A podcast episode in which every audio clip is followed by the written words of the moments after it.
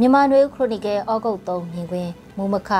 စကိုင်းတိုင်းတွေကနေအိမ်မီရှို့မှုနဲ့တပ်ဖြတ်ခံရမှုတွေဆက်ဖြစ်စေပလောဝကចောင်းသား2ဦးပြစ်ခတ်ခံရပြီးတေဆုံးအမည်ရတဲ့မူမခဆောင်းပါဖြစ်ပါတယ်။ စကိုင်းတိုင်းတွေကရေဦးမြို့နယ်တင်းနေရန်ကျေးရွာမှာပြီးခဲ့တဲ့ရက်ပိုင်းမှာမီးရှို့ခံရတယ်လို့အခုရက်ပိုင်းမှာတော့မြင်းမှုမြို့နယ်လက်ပတ်ကျင်းရွာကဈေးဆိုင်တွေနဲ့နေအိမ်တွေကားတချို့ကိုမီးရှို့ဖျက်ဆီးခံရပါတယ်။ပြည်သူ့ကာကွယ်ရေးတပ်ဖွဲ့ဝင်နဲ့၎င်းတို့ကိုကူညီသူဆိုတဲ့ဆွဆွဲမှုတွေနဲ့ကျေးရွာသား10ဦးထပ်မင်းတပ်ပြတ်ခဲ့တယ်လို့ကျေးရွာကနေစစ်ကောင်စီတပ်တွေထွက်ခွာပြီးနောက်အဖြစ်ပြက်နဲ့ပတ်သက်လို့ထပ်မံသိရှိလာရတာဖြစ်ပါတယ်။စကိုင်းတိုင်းမှာကျေးရွာတွေရဲ့90ရာခိုင်နှုန်းကို ပြည်သူ့ကာကွယ်ရေးတပ်ဖွဲ့တွေစိုးမိုးထားနိုင်ပြီဆိုတဲ့ NUG ဘက်ကထုတ်ပြန်ချက်တွေပြောဆိုချက်တွေရှိနေချိန်မှာပဲအခုလိုကျေးရွာတွေထပ်မံမိရှို့ခံရ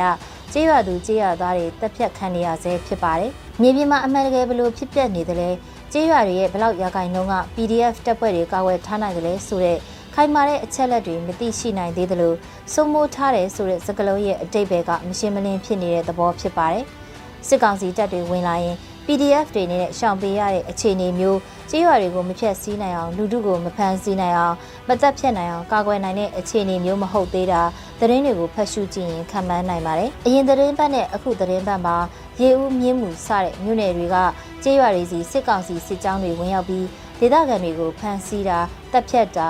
နေအိမ်ဈေးဆိုင်တွေမိရှို့တာတွေလုပ်နေတာဖြစ်ပါတယ်။ စကိုင်းတိုင်းသတင်းအပြင်ရခိုင်ပြည်နယ်မြောက်ပိုင်းနဲ့ကက်လျက်ရှိတဲ့ချင်းပြည်နယ်ပလောဝဒေသက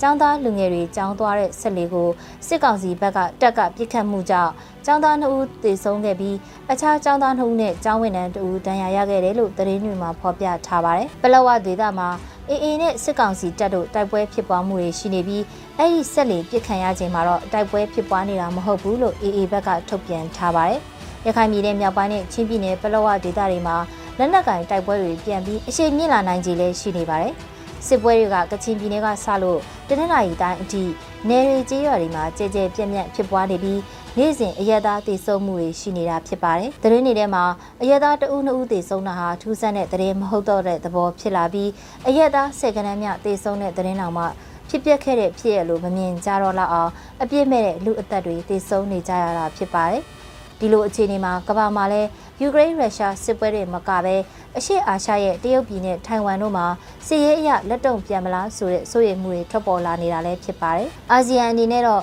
နိုင်ငံခြားရေးဝန်ကြီးအစည်းအဝေးကိုကမ္ဘောဒီးယားနိုင်ငံမှာကျင်းပနေပြီးအဲ့ဒီအစည်းအဝေးတက်ဖို့လာရောက်တဲ့ရုရှားနိုင်ငံခြားရေးဝန်ကြီးက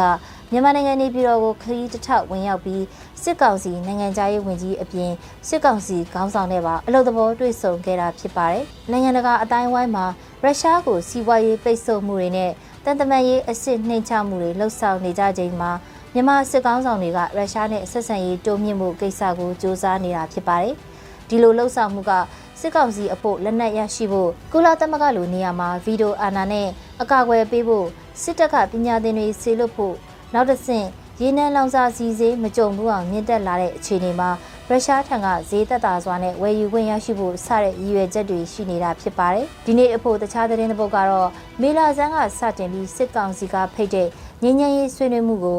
SSPP SSA ရှမ်းလက်နက်ကိုင်အဖွဲ့ကတက်ရောက်လာတာဖြစ်ပါတယ်။ပြီးခဲ့တဲ့လပိုင်းတွေက RCSS KNU KNL PC မွန်ပြည်သစ်ပါတီလာဟုလက်နက်ကိုင်အဖွဲ့စတဲ့အဖွဲ့တွေတဖွဲ့ချင်းစီနေပြည်တော်ကိုလာရောက်ခဲ့ပြီးမြဲလဲ SSPB SSA က